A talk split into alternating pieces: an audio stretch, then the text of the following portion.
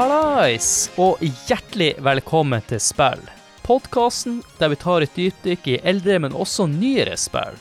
Og forresten, mitt navn er Adrian Haugen og driver podkasten sammen med Håkon Puntervold. I dag skal vi reise tilbake i tid hvor eh, FPS og online-spilling hadde fått et solid fotfeste i spillebransjen. Den gode, gamle couch-coop-spillinga virka å være rett og slett i svunnen tid. Og det her var jo noe spillselskap ønsker å gjøre noe med i form av spillet Gears of War, noe som fikk meg til å nyte denne glemte opplevelsen. Og det aller beste med denne episoden, at jeg fikk eh, nyte dette spillet med, sammen med dagens gjest, som er en person som har deltatt i mange spillepisoder. Hjertelig velkommen tilbake, Ralf Numelin. Hallais! Og, og, takk for det. Jeg, det, det. det, her føles litt uvant. Jeg har ikke vært med på opptak på eh, jeg vet ikke, et år. Det må være Game of the Year i fjor. Så jeg, jeg, jeg er litt sånn smånervøs i dag, tenker jeg. Jeg kjenner det på at uh, nå, nå, det her kan gå gærent. ja, heldigvis så har du jo du litt erfaring med både spilleepisoder og Sidelinja, som er en podkast vi hadde langt tilbake i tid. Som døde en uh, sakte og stille død. vi har jo nevnt det her mange ganger at det, det, vi starta jo, jeg og du og Håkon blir jo med ganske raskt da, i en podkast som heter Sidelinja. Der, uh, hvis dere har mm. lyst til å høre noe fra sidelinja, så tror jeg den første episoden ligger i spillfeeden. Men ellers så uh, har han Rolf sletta samtlige episoder, så dere får ikke hørt noe ut av sidelinja. Men det var jo også vi andre enig i. Ja, dere som var der, dere var der. ja. Nå skal vi ikke snakke om sidelinja, vi skal jo snakke om Gears of War og det første spillet i Gears of War-serien. Og uh, jeg nevnte innledningsvis her at jeg fikk oppleve det her spillet sammen med deg, så uh, kan ikke du fortelle om ditt første møte med Gears of War? Herregud, jeg hadde håpa at du skulle si det, for du, du har bedre hukommelse enn meg på akkurat den der. Ja, da kan jeg hjelpe deg. Det var jo uh, på skolen, eller ikke på skolen, på høyskole, i, i leiligheta di, var det ikke det? Det stemmer. Jeg var klar til å snakke om sist gang, for det, det husker jeg, jo, det er jo bare noen uker siden. jo, vi skal komme eh, dit også. Greia var det at uh, en annen kompis, jeg har også nevnt han i mange spilleepisoder, som heter Øystein, han eh, introduserte meg for det her spillet, Gears of War. Og vi spilte ikke på release når det kom ut, men det her var to år senere, i 2008.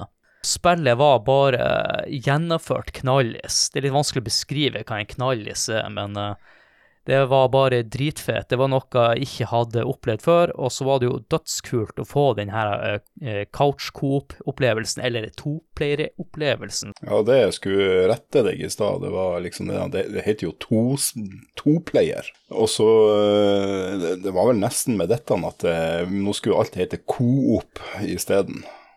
Ja, ja, det kan godt stemme. Jeg likte spillet såpass godt at uh, jeg lånte det med meg til Narvik, der jeg og Ralf bodde, og inviterte Ralf til å spille det her spillet.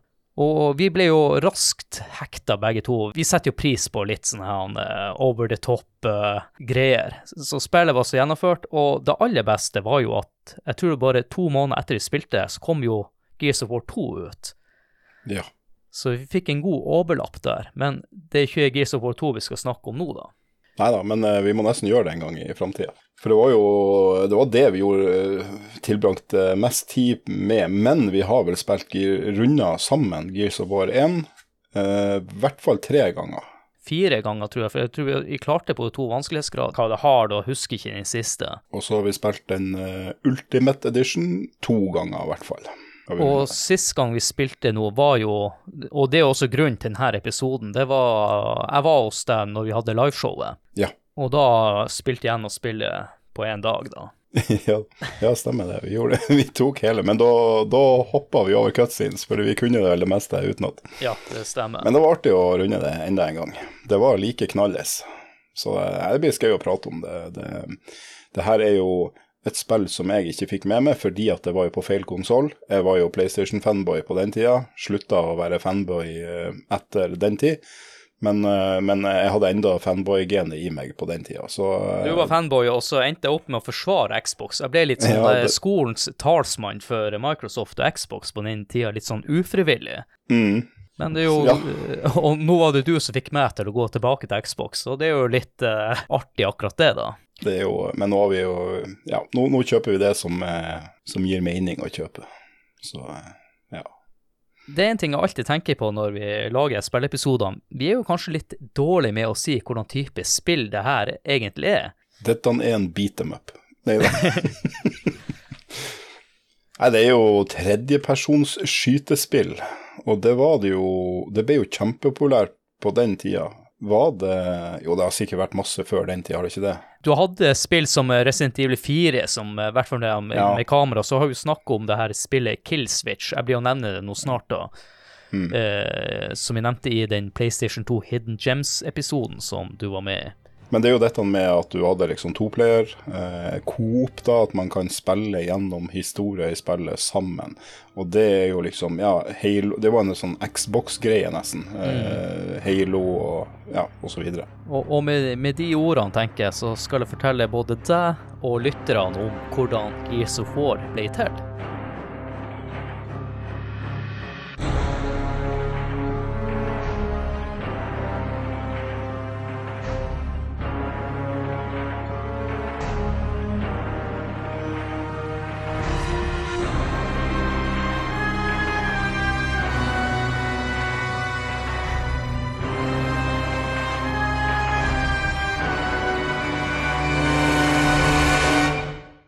Her er historien om Epic Games, Gears of War.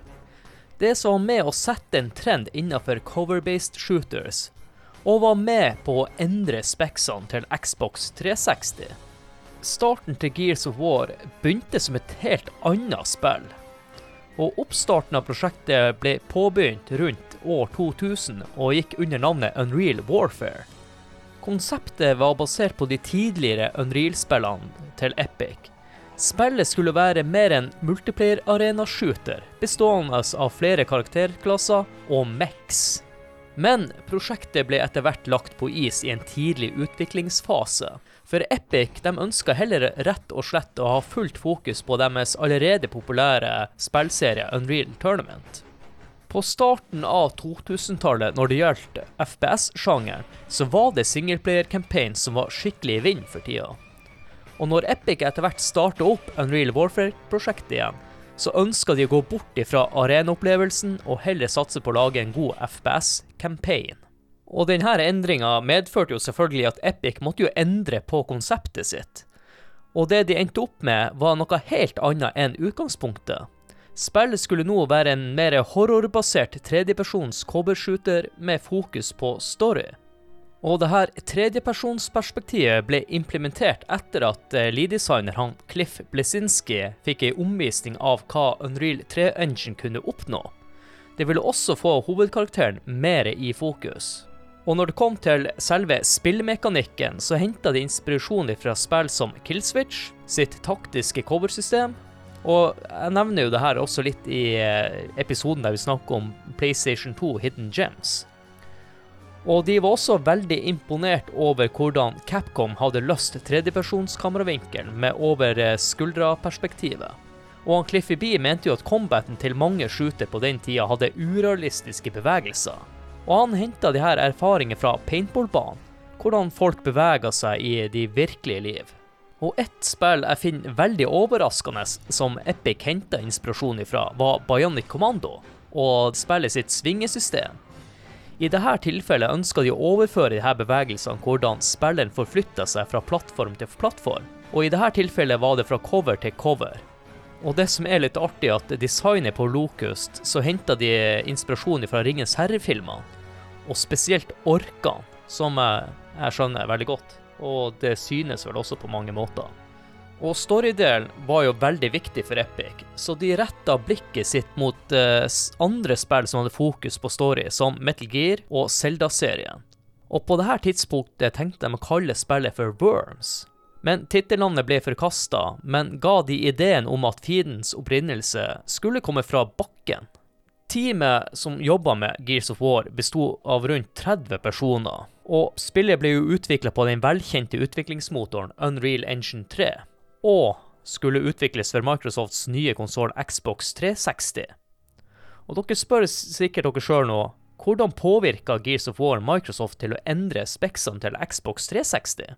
Jo, fordi opprinnelig så skulle spillet bli utgitt på PC. Men det her endra seg når Microsoft innså at det ville ta tid før det neste Halo-spillet ville bli ferdig. Og derfor ønska de et spill som kunne fylle det her tomrommet, og hjelpe de med Xbox 360-salget. Og det var i 2005 hvor Epic Games holdt en lukka demonstrasjon av Unreal Engine 3. Og der presenterte de hva denne utviklingsmotoren kunne utrette på en Xbox 360 Xenon-prosessor. Og de brukte gameplayet fra en tidligere versjon av Gears of War. Og gameplayet i seg sjøl var en skuddvekslingsseanse i en gate med masse objekter rundt. Og under presentasjonen så påpekte han Tim Sweeney, mannen som starta Epic, overfor Microsoft, at det var essensielt å øke minnet fra 256 megabyte til 512 megabyte for å få spillet til å kunne yte maksimalt. Og med disse endringene så ville det gjøre det mulig for spillet å kunne kjøre på en høyere oppløsning på hele 720P. Det var ei lita hake med dette forslaget, fordi at Microsoft nærma seg sluttfasen på utvikling av Xbox 360. Å gjøre alle disse endringene ville koste selskapet 1 milliard dollar.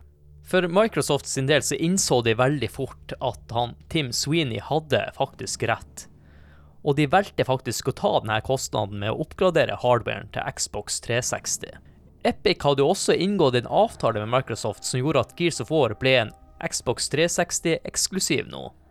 Og et resultat av dette igjen gjorde at Microsoft valgte å bruke store ressurser på å markedsføre Gears of War. Og dette igjen ville bidra til å hjelpe dem med konsollsalget. Og derfor ble det laga en minidokumentar som dekka veien fram mot E3 i 2006. Og dokumentaren ble først vist på MTV 19. mai 2006. Og TV-reklame for spillet ble faktisk kjørt på In Game Unreal 3. Hvor andre spill på denne tida benytta seg av andre spillmotorer enn den faktisk ble brukt i spillet. Gears of War ble utdelt i alle regioner i løpet av november 2006 på Xbox 360, og november året etter ble spillet tilgjengelig for PC. Og ikke minst så solgte spillet svært bra på sin første uke og hadde rundt 1 millioner solgte kopier. Spillet høsta også gode kritikker, og det var spesielt det grafiske de fikk mest komplimenter for. Og da lurer jeg på, Ralf, er det noe jeg fortalte nå som er nytt for deg, eller er det noe du har lyst til å kommentere til uh, Gears of War si historie? Det at de hadde lyst til å kalle spillet for Worms, uh, og så droppa de det, det var jo et spill allerede som heter Worms, så det var kanskje greit at de droppa å kalle det for det. Ja, det er artig du nevner det, for det hadde jo også Jeg mener det var planlagt at spillet hadde flere navn før de endte opp med det navnet som eh, ble til slutt. Det kan godt hende at det litt senere i episoden kommer på hva de titlene var, så vi får nå se. Ja, og så er det jo traileren som, som ble vist, det var jo vel den der Mad World-traileren. Ja, det stemmer. Som er en Kanskje ikke alle har sett den, men den var vel med litt å endre spilltrailere for framtida ja, i hvert fall Man ser mye i den Mad World-traileren i nyere sånne Xbox-eksklusive trailere. Sånn. Det er liksom Det er veldig fokus på musikken. Vi gjør et bra musikkvalg. Traileren, jeg kan bare se traileren til, til Forza Horizon 3. Det er også en sånn Det er en skikkelig sånn innertier av en trailer. Nå husker jeg ikke hvordan låt som ble brukt i den traileren, men jeg vet hvert at Mad World. Ja, Mad World, ja. Han Cliffy B Ja. var jo stor fan av den låta, så det er derfor den ble valgt. Ja, det er jo en kjempefin låt, og så er den så Den er så rolig og eh, Men samtidig så er den litt sånn der han eh, Ja, det er et eller annet bak, og så, og så har du liksom det der han eh, fyren som springer i den her gata. Mm. eh, og er bare rusta opp. Han er han bola duden du ser. så det, det, det er sånn at de, de, det matcher nesten ikke, men det gjør også at det blir så Det blir så, eh, det blir så episk, rett og slett. Er det noen andre ting du har lyst til å påpeke? Nei da, eh, det var en del om det her han i Jeg har jo sett den et par ganger, faktisk, den der han Power On-serien på til Microsoft. Mm. Hvor de eh, snakker om, og der toucha de vel innpå bl.a. dette med, med eh, Specs til eh, 360-en, mener jeg. Ja, det stemmer nok. Så, så, så den, akkurat den biten var jeg også kjent med. Det som er interessant her, er, det gjelder jo mange spill, er det her med at de Hvor de starter og hvor de avslutter, og, og hvor påvirka de blir i forhold til det som er aktuelt da i bransjen. Sånn som jeg nevnte det her med at de eh, ville gå over til mer sånn campaign-aktig, for det var jo det her eh, Jeg husker ikke Medal of Honor, men eh, Call of Duty det her begynte jo å bli ganske inn i vind, og alle de hadde jo en gode singleplayer-campaigns. Ja. Og det var jo litt artig å dreie på med researchen her. Jeg og du er jo veldig glad i Bionic Commando, spesielt Bionic Commando Rearmed. Og at det også blir nevnt i, det, i forbindelse med det her, er jo litt sånn fascinerende, synes jeg. Det, jo, den, det hadde jeg jo faktisk ikke fått med meg. Så de henta jo også inspirasjon ifra sånn som Resident Evil 4, som var ganske nytt på den tida, så de prøvde jo å lage noe som var eh, fremoverretta. Og Mm. vi skal ikke gå så mye inn på det, for det blir nevnt i den Xbox 360-episoden, det her med at de valgte å eh, gå fra 256 eh, megabyte eh, minne til eh, 512 megabyte minne, så det, det trenger jeg ikke bruke tid på. Men det jeg har lyst til å nevne her, er jo at han Cliff Blesinski har sagt i ettertid at han henta merkelig nok inspirasjon fra sitt første ekteskap, eller ja, det mislykka ekteskapet, da, så han havna i en, eh, i en stor depresjon, da, og mye av det her reflekterer på han Marcus på mange måter. Og etternavnet Phoenix, det er en referanse til fugl Phoenix. Ja, for du starter jo i fengsel. Ja. Designet på han Marcus Phoenix i seg sjøl, det brukte de jo ett år på å lande designet helt. Og så vil jeg jo også eh, nevne det her at de på et tidspunkt i ettertid hadde planlagt å lage en Gears of War-film som skulle bli utgitt i 2010. Men som mange andre ut av de her prosjektene, så blir jo dem lagt på is. Det var ennå godt, det tenker jeg. Det kom vel ikke noen gode spill til filmadaptasjoner før eh, ja, det er i nyere tid, i hvert fall. 2010, jeg kan ikke huske om det var noe bra da. Nei, jeg, jeg føler kanskje ikke at det, det er jo ikke for nå i de siste årene at det blir tatt mer på alvor og prøver å gjøre noe bra ut av det, men man har jo likevel noen eh, serier basert på spill som fortsatt ikke er bra, som kommer ut. Ja. Vi må jo kanskje starte med det mest åpenbare, det er jo å snakke litt om eh, designet.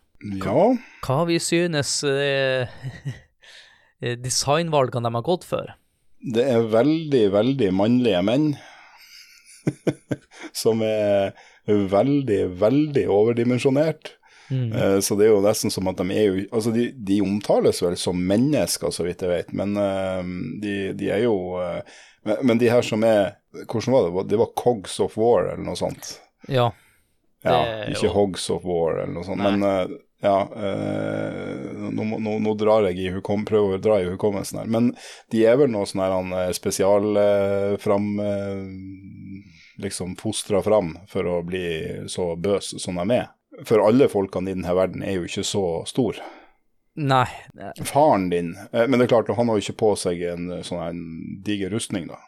Men jeg må jo nevne det her at han eh, Cliffy B, da, som jeg kaller han for, han ville jo ikke at de her karakterene skulle være så hva skal jeg si, overproporsjonert.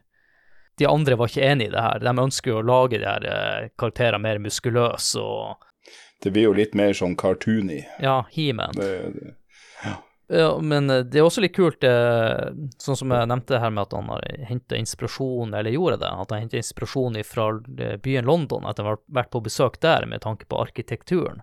Det er mye Ja. sånne steinbygninger og sånn. Det er mye sånn futuristiske elementer, men på andre sida igjen så er det og kanskje teknologi og bygninger som vi kjenner igjen, og kanskje bygninger er jo allerede litt sånn gammeldags. Ja, det, det ser jo ut som Nå er det jo full krig, og det meste er jo ødelagt. Men, eh, men eh, i hvert fall i Ena. Jeg tror ikke du ser så mange områder i Ena som er hel og pen. Mm. Det kan jeg i hvert fall ikke huske at vi så. eh, Det, det har jo liksom vært Det er krigsherja, og det har jo nylig vært stor krig og greier. og og så kommer det Locust òg, da. Så det, det, er liksom en, det er jo en verden som er levd og kriga i. Så jeg syns jo det er veldig bra eh, sånn sett. Det si, ser det er en verden i ruiner. Er det. Det, ja, det er en verden i ruiner, eller sånn delvis. Eh, litt sånn nesten postapokalyptisk, men på, ikke på jorda, da. Og, eh, så, men det ser ut som de, det, har, det har bodd Det kunne ha levd folk her veldig lenge i denne eh, verden. De har brukt lang tid på å bygge de byene, og så har de dratt med seg arkitekturer fra, fra eh, store, kjente byer da, på jorda. Så nei, jeg syns det, det, det er jo en Det var jo en, en fryd for øyet da, og, og den nye oppussa versjonen er jo en fryd for øyet den dag. Frem den dag i dag, faktisk, så det, ser jo faktisk eh, helt uh, OK ut. det som sier, det, det føles ut som et nytt spill, eller sånn veldig, ganske nytt spill i oppussa versjon. Mm. Du sitter ikke og tenker at det her er utdatert, da.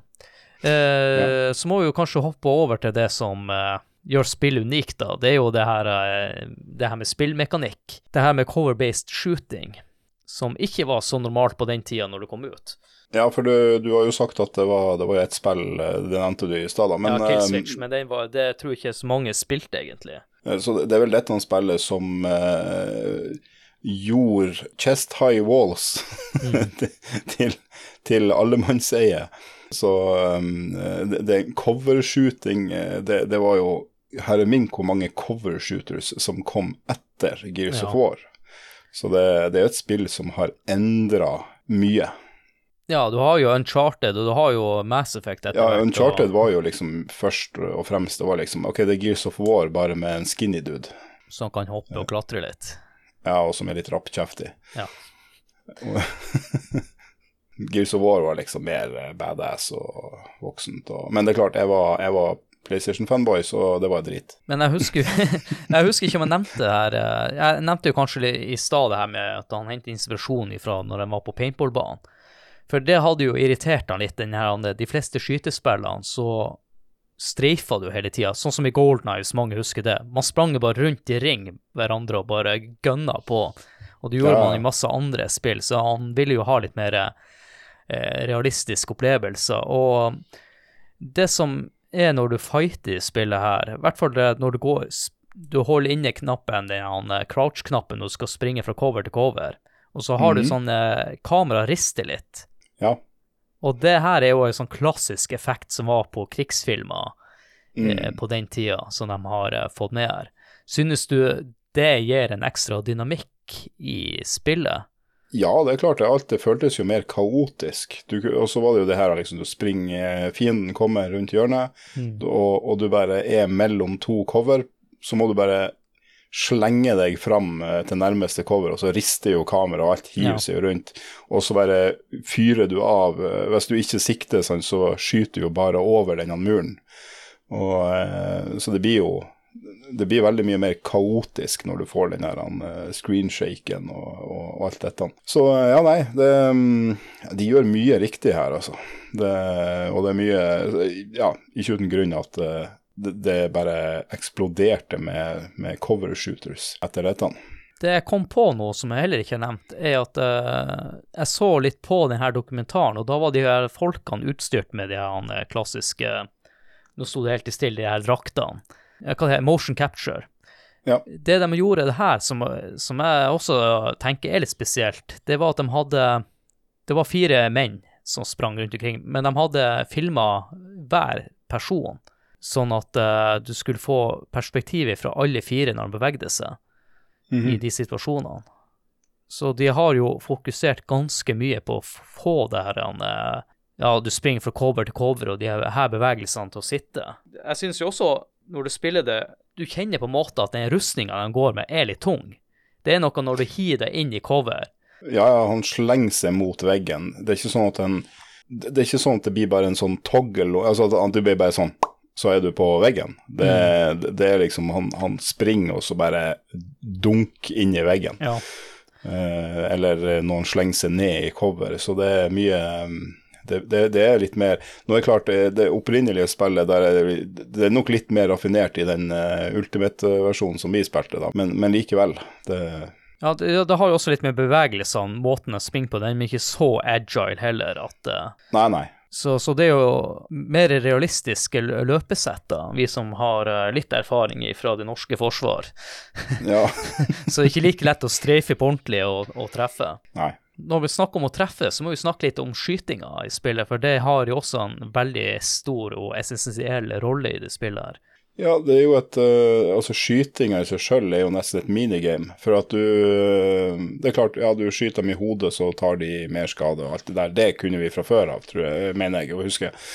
Uh, men men det er jo dette med, med lading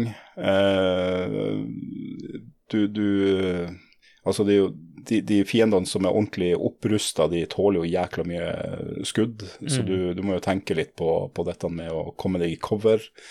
Og, eh, så du kan ikke bare stå der og skyte. Så derfor det blir det blir litt mer jobb rundt skytinga. Og så Ja. samtidig blir det veldig kaotisk. Og blir det veldig mye fiender, så kan du dø ganske kjapt. Og det er jo interessant det du sier her, Alf, med det her med magasinbytte, for det er en sånn sweet spot, så du, uh, som du sa, du har et mi- litt minigame, at du, hvis du treffer akkurat, så får du litt mer bonus på det magasinklippet, da. Så skyter halve magasinet, og så lader du. Og uh, så går det en bar bortover, uh, og den har et lite område, en hvitt område. Hvis du trykker ladeknappen en gang til, akkurat på det området, så, eh, så vil de skuddene du da eh, fyller magasinet opp med, så du får fullt magasin, de, de, det halve første delen av magasinet gjør da ekstra skade. Får en liten bonus på, på hvor mye skade det gjør. Eh, men hvis du bommer Da kiler våpenet seg. du har rett utfor sweetspoten, så har du liksom normal. Eh, da bare lader du raskt. Da, da bare går det greit. Men, eh, men bommer du på det her lille området, så låser våpenet sitt. Og så står han karakteren og bannes og, Ja. og, og må få liksom eh, opp den, eh, den klikket da på, på våpenet. Og det har jeg jo ikke sett før. Nei. Og det var jo veldig artig, og det var jo ordentlig kaotisk, særlig da eh, Gris og Får 2, da, som vi ikke skal snakke så mye om, men bare en sånn eh, horde mode der. Eh, og når du da låser våpenet, det, det kan bety død. Og det jeg også synes er greit med spillet her, siden det er ment først og fremst for konsoller, jeg har ikke spilt det på PC, er at de legger ikke opp til at du må drive på og finsikte og treffe headshots hele tida. Det er litt sånn at får du sikte mot personen, så hold det i massevis. I hvert fall på de lavere vanskelighetsgradene. Sniperen er vel den eneste du må ja, Ja. sikte. Men da, på dette tidspunktet så hadde, har de jo funnet ut av uh, sikting og, og kontroller på konsoll. Så jeg tenker at uh, det var liksom ikke noe utfordring lenger da. 360-kontrolleren er, er jo en veldig bra kontroller. Den beste ifølge noen, men ja, veldig bra kontroller. Og, uh, så det, det funker jo ypperlig til både førsteperson og ikke minst tredjeperson. Det er jo en ting som er veldig viktig å ta med her. Det er jo Vi nevnte var inne på det i stad, det her med co-op, eller toplayer som vi kaller det før. Hva du synes om toplayerfunksjonen til Gears of War? Jeg mener jo at spillet er jo laga for toplayer, egentlig. Ja, jeg vil si at uh, du kommer ikke til å nyte spillet så mye hvis du spiller det alene. Ikke i nærheten. Det er litt som Halo, det er egentlig ikke verdt å spille det alene. Du bør spille det sammen med noen, for det, det skjer ganske mye morsomt, og så blir det litt grann eh, flere fiender, litt sånne ting. Ting blir jo litt grann eh, mer utfordringer. Mm. sånn at man eh, skal ha en, en utfordring. Og så må man eh, hjelpe hverandre og sånn, og fucker han ene opp, så kan han andre dø, og kommer til noen sånne områder i løpet av spillet. Så det, det, det er mye mer um, Jeg føler du får voldsomt mye mer igjen av å spille det sammen med noen. Ja, for når du nevner det her med at det, det skjer mye ting, eh, så klarer de jo å få til litt variert eh, gameplay og combat i spillet her. Med tanken på at de stykker opp litt, at vi må hjelpe hverandre. ene må kanskje stå på et skyngevær og skyte, mens den andre gjør noe. Så må man velge to ruter. Den ene må gå ene veien, og den andre må gå andre veien. Og så må man kanskje hjelpe å skyte fiendene, sånn at den andre kommer seg eh, videre fram. Ja. Men nå har ikke jeg spilt uh, Gears of War faktisk helt alene. Har du testa singleplayer? Uh? Ja. uh, jeg, jeg begynte jo på det før du kom på besøk den der første gangen vi runda Ultimate Edition. Ja. Og da var det litt sånn Det var egentlig bare for å prøve det, og, og da spilte vi Det var jo på PC. Mm. Men vi spilte det jo, når du kom på besøk, så spilte vi jo det med Jeg kobla jo bare Xbox-kontrollerne til, og så spilte vi med Xbox-kontroller. Eh, men da prøvde jeg det først på, på, på PC-en og, og, spilte litt, men det, det var Jeg syns ikke det var så artig. Det, det, eneste når du spiller alene, er at du får jo full, du får jo fullskjerm, da, sånn, så du får jo nyte hele den grafikken. da, Det er det eneste. Og så får du kanskje med deg storyen litt mer, da. Nei, det, det, det er et spill som må spilles sammen. Hvordan funker AI-en til han som skal hjelpe deg? Nei, Det husker jeg ikke. Jeg tipper at det er ganske squishy fiender som A1 din møter, og så er det liksom bestemt hvordan ting skal funke. Ja, det er ikke sånn at han uh, dauer hele tida? Nei, det, nei, det vet jeg ikke. Det, det husker jeg ikke. Og så har jeg jo ikke spilt i det hele tatt uh, siden den gang. Jeg begynte bare så vidt på det. En annen liten ting som kanskje heller ikke var så normalt på den tida, de har jo lagt inn noe sånn samlerobjekt, sånn som Cogtag. Ja. Eh, synes vi at det har noe for seg i hele tatt, eller? Det var vel en måte å oppfylle Microsoft sitt krav til å ha et eller annet for å få achievements fra. Ja, sikkert. Det, det virker litt sånn. Det er litt sånn ja, vi hiver noe den her ut i hjørnet her. Men du fikk vel noe Hvordan var det hvis du plukket opp Cogtex, så fikk du vel noe sånn her du kunne se på karakterer og ting? Ja, jeg, jeg tror det var noe sånn uh, Hva det heter for noe der, du kan jo gå inn og se. Ja, sånn gallerigreier. Ja. ja, jeg lurer på om det var, det var noe sånt. Det har, jeg, det har jeg ikke fortrengt, men jeg husker det nå ikke. Det har spilt såpass mange ut av de der spillene, men jeg vet at det er sånn gallerimodus på flere, eh, så det var nok det her. Det var vel den tida der det begynte å, de her galleriene begynte å komme for fullt? Ja, og så skal du samle achievements. Det var jo samme i Det var jo også en ting de gjorde i Uncharted. Det var jo Du plukka opp sånne skatter der, da. Så det var ikke bare sånn den samme tingen, det var forskjellige ting. Men målet var jo det samme. Du, du fikk uh, åpna galleri. Og etter hvert så kom det jo trophies da på PlayStation 3. Det var vel ikke det helt i starten, mener jeg, på, da Uncharted kom. Trophies kom seinere. Jeg lurer på om det var et motsvar til achievements. Ja, Trophies var et mot, motsvar til Achievements, men det kom ikke før, uh, før seinere på PlayStation 3. Jeg mener jeg hadde noen spill som ble patcha med Trophies. At det kom Trophies-ting da, i oppdatering. Ja, stemmer nok det når du sier det. Jeg mener bare hagla inn der. Ja, og så starta du spillet, og så bare pling, pling, pling, pling. Hørtes kjent ut, det der. Mm. En ting som er veldig viktig i sånne her skytespill, det er jo våpnene, så vi må jo snakke litt om det. Og uh, de har gjort et bevisst valg her for å holde seg unna sånne futuristiske laservåpen. og Hva vi synes om det valget? Det er jo et sinnssykt utvalg av våpen. Altså Mange av dem gjør jo mye av de samme tingene, men, uh, men det er jo et amazing utvalg av våpen. Mm det er jo Ratchet and Clank før Ja, Ratchet and Clank kom før, men det er liksom en grown up versjon av Ratchet and Clank, på en måte. Der er det også helt latterlig mye våpen. Nei, våpenutvalget er jo fantastisk, men jeg stilte egentlig spørsmålet hva du synes at de har droppa sånn laservåpen og sånn? Ja, ja, nei, det er jo et laservåpen òg. Ja, ikke helt. Du, du guider en, du guider en satellitt. Du guider en laser. laser. Men, de, men de har jo holdt seg unna alt det her med det er sånne aliens uh, og ja, ja, sånn De har, de, de har droppa alt Star Wars-tøv. Ja. ja, det har de. Nei, det er jo som du sier, Ralf, det er jo et fantastisk utvalg. Det er futuristiske våpen, men de er samtidig gode, gammeldagse våpen. Ja. Det er, det er rifle, det er sniperrifle, det er eh, maskingevær, det er Du har flammekaster og Ja da, du har selvfølgelig motorsag. Ja, men du har ikke flammekaster i det her, vel? Eh, spillet? Jo, har du ikke det? Nei, det er i toa eller i trea. Her blander du. Ja. Vi skal ikke bruke mer tid på det, for jeg har i hvert fall gått gjennom alle våpnene her. Ok, ja, du men du nevner i hvert fall Mortorsaga. Det jeg har litt lyst til å nevne her, eh, er at eh, når de lagde det her våpenet, MK2 Lancer og Assault Rifle, så var det stor intern uenighet om de skulle beholde motorsaga eller ikke. For han Cliffy B, mm. han hadde helt siden 1997 allerede hatt lyst til å ha det sånn her type våpen i et spill.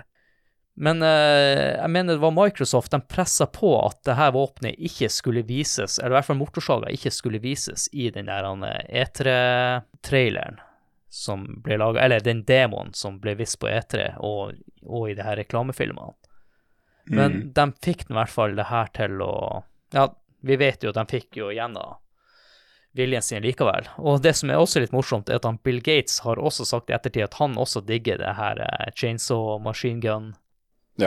Og det går vel ikke an å spille spillet uten å ha det her som et fast våpen i inventaret. Nei, det er jo du, du bruker det jo så godt som eh, Altså, du kan bruke det våpenet gjennom hele spillet. Du kan også bruke pistolen gjennom hele spillet. Men det, det er vel litt det at eh, våpnene er såpass uh, gode at eh, kommer du Hvis du aldri har spilt sånne typer spill før, så er det første våpenet du får, godt nok til å kunne runde hele spillet. Du er ikke nødt til å plukke opp, men det, du må lete etter eh, ammo, da. Det er litt sånn fordel og ulemper med de her våpnene. Og når jeg og du spiller, så bruker vi jo å fordele våpnene mellom oss. Og du har jo boomshot grenade launcher, som eh, du bruker ansvaret for. Boom! Det stemmer. Den eh, Ja, det var i hvert fall sist gang, så eh, var jeg boomshot og Hva heter den? Boltok? Hva du tenker på? Pistolen. Jeg hadde vel boomshot og boltock. bol. Ja. Men pistolene bruker man jo nesten aldri. Jo, boltoken den er jo one shot ah, ja. på det meste. Jeg har nesten aldri Så brukt den, bruk, den brukte jo jeg hele tida. Uh, og du var, du var longshot og lancer, mener jeg.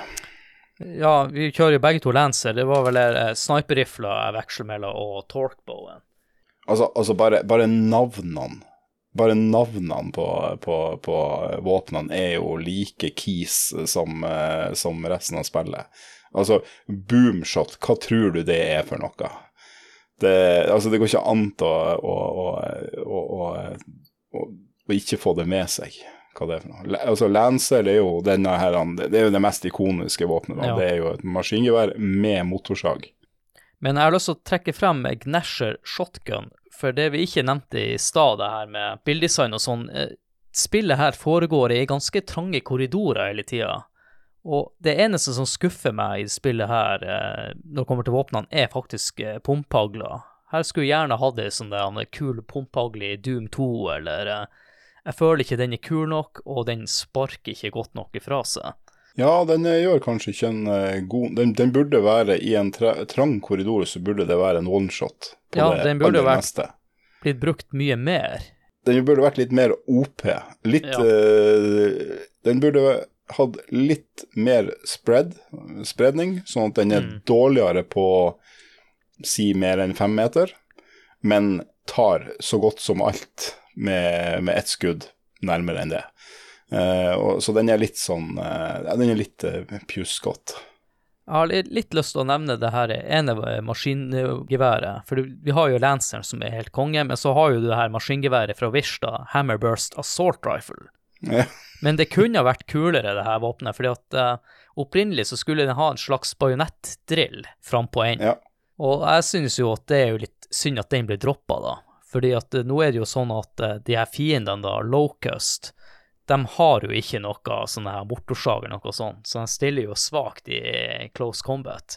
Så det er jo en sånn ting jeg synes det var kjedelig at de droppa, da. Så nevnte jeg jo den torquebowen, som er armbrøst med sånn, sånn eksplosiv som fester seg først, før den sprenger. Mm. Og den tar jo litt tid å lade opp, da, eller spenne. Ja. Jeg syns det også er litt kul effekt at uh, våpenet er såpass kraftig at uh, det er litt handikap med å fyre av det våp våpenet, da. Mm. Men det mest overpowered er jo det vi snakka om i stad, den der laseren som uh, styrer en satellitt. Du peker på et mål, og du styrer en satellitt som skyter laser, som er Hammer of Dawn. Mm. Den er jo Det er jo et dritkult våpen, og, men du får ikke brukt den så ofte i det spillet. Nei, det, det blir jo I hvert fall i starten av spillet så blir den jo bare tilgjengelig eh, sånn helt tilfeldigvis når du er nødt til å ha. Ja. Så, men eh, man skjønner jo at det, hvis du hadde hatt det våpenet hele tida, så det, det hadde jo ikke gått. Så, eh, men eh, så unnskyldninga det at det her er en satellitt som eh, Han står vel da ikke i geostasjonær, han er bane. Han, eh, han går eh, rundt, Mm. så han er litt nærmere denne planeten. Og så er han jo da ikke online når han ikke er over deg. Ja, og så har det noe med at det må jo også fri sikt, så kan ikke bruke den her i, inni i bygg. Inne, det kan ikke begynne inni et hus og sånt. Det må, det må kunne se der, du, der du putter laserstrålen.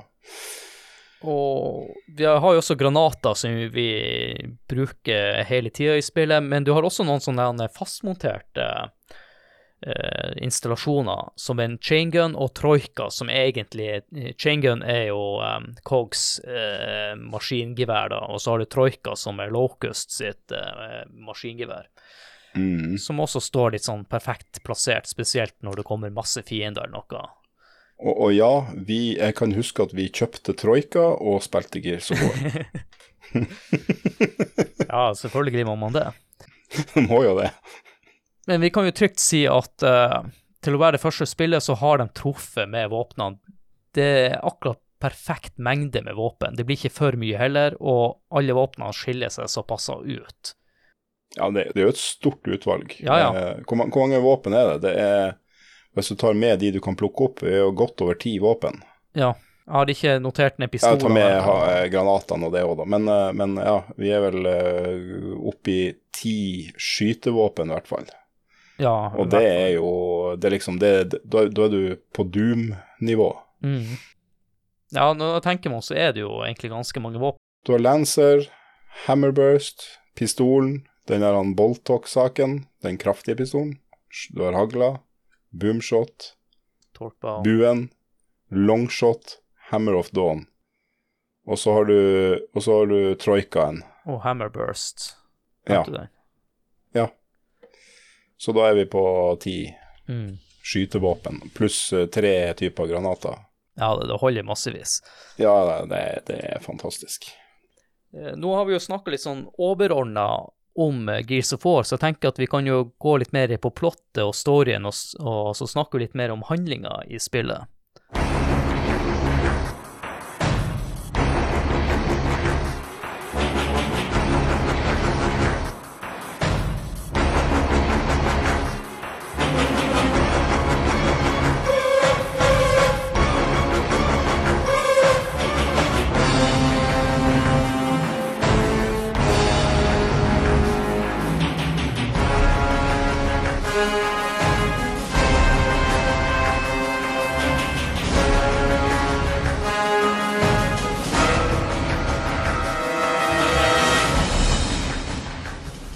Tenkte jeg, Ralf, at du kunne ta oss eh, kort igjennom eh, plottet til eh, Gears of War.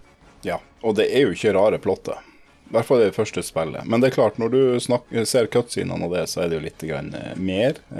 Du kan jo lese opp om ting og tang. Men i hvert fall, vi er på en planet som heter Sera, og som ikke er jorda. Men, og det bor mennesker der. Og eh, serien handler jo om krigen mellom menneskeheten og Locust Horde, som, eh, som har eh, Som plutselig kom til syne eh, 14 år før eh, spillet begynner, da. Eh, det er da Vi har jo før og etter Kristus, og de snakker om eh, før og etter Emergence Day, altså den dagen eh, Locust-horden plutselig poppa opp over hele denne Ansera-planeten og angrep menneskeheten. Så um, de er vel uh, Menneskene er vel litt sånn eh, på, på det tapende laget når vi starter Ja. uh, i spillet, da. Og, um, og um, vi begynner jo i, fengsel og møter en karakter som heter Marskus på nordnorsk. Ja, stemmer. Etternavn Phoenix. Eller Marcus Phoenix. Jeg vet ikke helt hvorfor han er i fengsel. Han hadde vel eh, nekta å gjøre et eller annet. Du får det i noen cutscenes, litt sånn touch på hva det er han har gjort. Og far, far din har ikke hjulpet deg, eh, for du er ikke veldig glad i far din. Som er en general. Ja, han er jo ikke general, han er jo sånn der han eh, doktormann, eller sånn der han professor, for han driver på med å gå forsking på de locust, som vi kommer tilbake til litt senere i spillet, for jeg tenkte vi skulle ta oss igjennom de her actsene, kort Ja. fortalt. Men vi kan jo også nevne at um, eh, Og det så har blir jo du vært redda. Og så blir du, eh, du Du er jo der, og så blir du redda av kompisen din eh, som heter Dam. Ja, Dominic Santiago. Det er også nødt til å nevne at den her, han, eh, angrepet til Locust eh, skjer seks uker etter en annen krig som er kalt for Pendulum Wars, som var en krig mellom menneskene på Sera, hvor eh, Mhm. det var to store fraksjoner. Og dem igjen mente at de slåss mot en sånn flytende gul væske som heter Emulutions eller noe sånt. For det, når vi snakker om Hammer of Dawn, de satellittene er jo egentlig ikke Cogs eh, som har laga de her. Det er jo faktisk eh, den tapende fraksjonen som ikke husker i farta. Så de har tatt over de her satellittene. For Pendulum Wars eh, var jo før Emergence Day. Ja, ja, det er det jeg sier. Ja, Rett før, så, så, by, så verden er allerede eh, i ruiner, og da ser jo Locust muligheten til å angripe. Ja, ja, for det skjer jo 80, i 80 år eller noe sånt, så driver de og kriger, Ja. eh, de her menneskefraksjonene. Eh, og så kommer eh, Locusten, da. Ja, jeg tror det er seks uker etter den der eh, krigen offisielt er over, så kommer Locust til overflata. Jeg kan jo nevne her at eh, i Gears of War så består spillet av fem acts, og, og de her actsene er fordelt på 24 forskjellige områder. da. Og når vi snakker om planeten Sera, så har jeg bare lyst til å komme med en fun fact her, er jo at denne eh, planeten er oppkalt etter den greske guden Ares, eller krigsguden Ares. Og han her, han er Dominic, eh, som eh, hjelper oss i starten, som toplayeren er nødt til å spille. Han Dominic Santiago, i starten, når han holdt på å utvikle spillet her, så hadde de lagt inn at det var en mulighet at du kunne enten være mann eller kvinne. Så hvis du vært eh, kvinne, så ville fornavnet vært Dominika eller noe sånt. Men de Mm. gikk bort ifra det, da. Men som du sa, Ralf, så i starten så eh, kommer han Dom og redder og skal rømme fra det fengselet. Og så etter hvert så møter du en som heter Sergeant Kim, og en som heter Carmine fra Delta Squad. Så vi teamer opp med de her, for de er på, på søken etter Alpha Squad.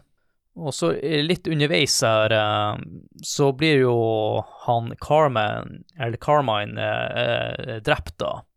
Og det her tror jeg faktisk er siste bossen som skyter han, hvis jeg ikke husker helt feil, som tar det han headshotet på han.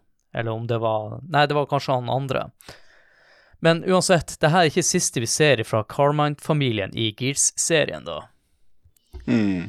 Og så etter hvert så møter vi på en kar som står og fighter alene, som er han Augustus Cole, som er kalt for Coltrane, Mm. som vi er nødt til å hjelpe, som slåss mot en gjeng med Locust. Og når vi har nevnt han, så nevner han at resten av teamet da er dratt ned til The Unknown Underground. Du møter vel han Baird òg der, Ja, litt senere. sammen med Cole. Så de da teamer opp med han Cola og gjengen for å finne Alfa Squad. Og det her skjer jo at uh, etter hvert så dør jo han Kim, ja, han Sergeant Kim også i et bakholdsangrep. Og det her medfører jo da at han Marcus blir uh, promotert til sergeant og leder nå det her Delta Squad. Hvor vi har han uh, som består av han Marcus, han Dominic, eller han Dom da, Coltrane og han Beard. Det som er litt artig med det han eh, med både han eh, Beard og han eh, Coltrane, er jo at han Augustus Cole her skulle opprinnelig være han Carmine. Men siden han er stemmeskuespilleren, han var så karismatisk av seg, så fant de ut at de ville heller ha han til en egen karakter, da. Så den rookien ble en ny karakter i spillet. Mm. Og utseendet til han eh, Cole da er også basert på han stemmeskuespilleren, For han stemmeskuespilleren er jo en gigantisk eh, amerikansk fotballspiller og wrestler. Ja, og han eh, er det i Det er ikke ena, er det i toa eller trea? Han, han eh, Et av spillene i hvert fall, så Han gjør jo noen touchdowns. Ja, ja, han er jo en- De har jo også implementert det, da, så det er jo bra du sier det. Men jeg Ja. mener det er jo litt senere i spillet. Og han her eh, Baird, han skulle egentlig ha noen av de her kvalitetene, men de ble overflytta til han, han Cola siden stemmeskuespilleren passa bedre med hans egne personlige egenskaper, da. Men han Baird, han er faktisk basert på en eh, kompis av Cliffy B.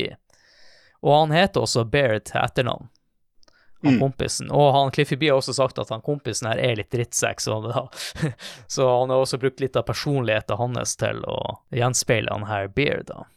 Mm. Men så kommer vi til uh, act 2 da, etter hvert, som starter med at han, Dominic her, han Dom da, foreslår at han skal ta en snarvei til The Unknown Underground.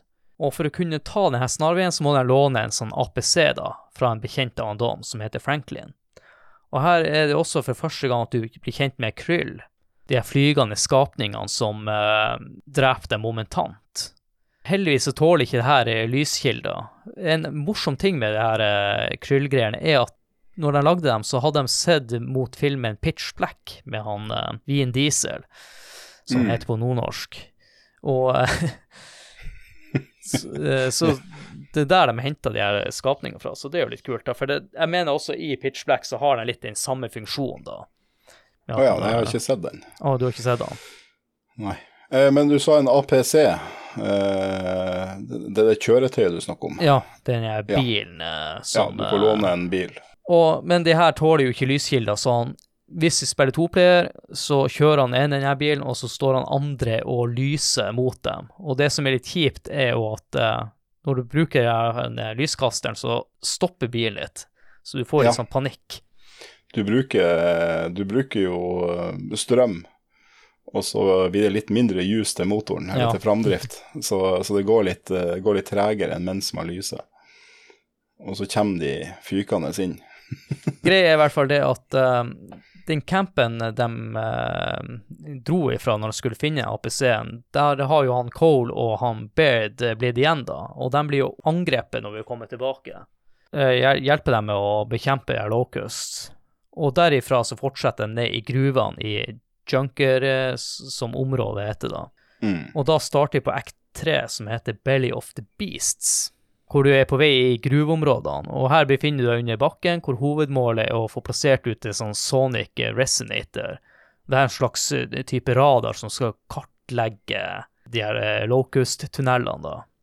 Ja, for å finne ut hvor alle er. Ja. Og her eh, må du slåss mot en Vi skal snakke litt nærmere om fienden etterpå. Her må du i hvert fall slåss mot en del Mot en corpser, da. Den store edderkoppen. Men jeg klarer ikke å få kartlagt alt. Men han Baird han finner et kart over området, og merkelig nok så leder det her kartet eh, og denne dataen dem tilbake til huset til han eh, Marcus, nei, faren til Marcus, da, som er i East Barricade Academy. Mm. Og da starter vi på act 4. The Long Road Home. Og herifra så tar de et helikopter til The East Barricade Academy. Nå er jo dette området kontrollert av Locust, så du må slåss deg frem til huset. Og her oppdager vi jo en ny APC som Cole og Baird må fikse, da. Mens eh, Marcus og Dom drar inn i huset for å finne her dataen. Og du finner eh, til slutt denne dataen i et slags laboratorium i kjelleren, hvor du får en sånn hjelp av en robot til å laste ned denne dataen. Og etter hvert så blir du angrepet i kjelleren, og du må slåss deg tilbake eh, etter hvert. Og dere blir da angrepet av en Brumac. Vi skal eh, som sagt gå tilbake etterpå og forklare litt om de her fiendene. Ja, det er altså den roboten du snakker om. Det er jo, det er jo Jack. Det er, en Ja. sånn, eh, det er en sånn hjelperobot som åpner dører for deg, og eh, han har jo skjærebrenner og litt forskjellig sånn her. Så når du trenger han, så blir han synlig, da. Det er en sånn uh, usynlig han kan, han kan gjøre seg usynlig, så Mm. han følger liksom med da, uten at du ser han. Ja, det er sant det. Jeg har ikke tenkt over det, egentlig. Men han eh, heter jo Jack, den eh, roboten. Så, så han, han gjør den jobben. Så de etterlater jo Jack til å, til å gjøre det her eh, for å få tak i dataen. Men, det, men det er i hvert fall så ender jeg opp med å klare å stikke fra i, i, i den APC-en før den Brumacen knuser hele huset og hele sulamitten. Og da er vi på siste act, da, som heter Desperation. Og her må vi skynde oss til togstasjonen, hvor et tog har en, en slags lightbomb. Hva vi skal si, en sånn slags atombombe. Light Mass Brom. Ja. Ja, det blir jo en sånn atombombe, basically, da. Ja, så her må vi jo fighte oss eh, når vi kommer til togstasjonen. Og etter hvert så møter du jo selvfølgelig fiender, så du må avansere framover, og du finner ut at denne lightbomben befinner seg framme på et tog, da.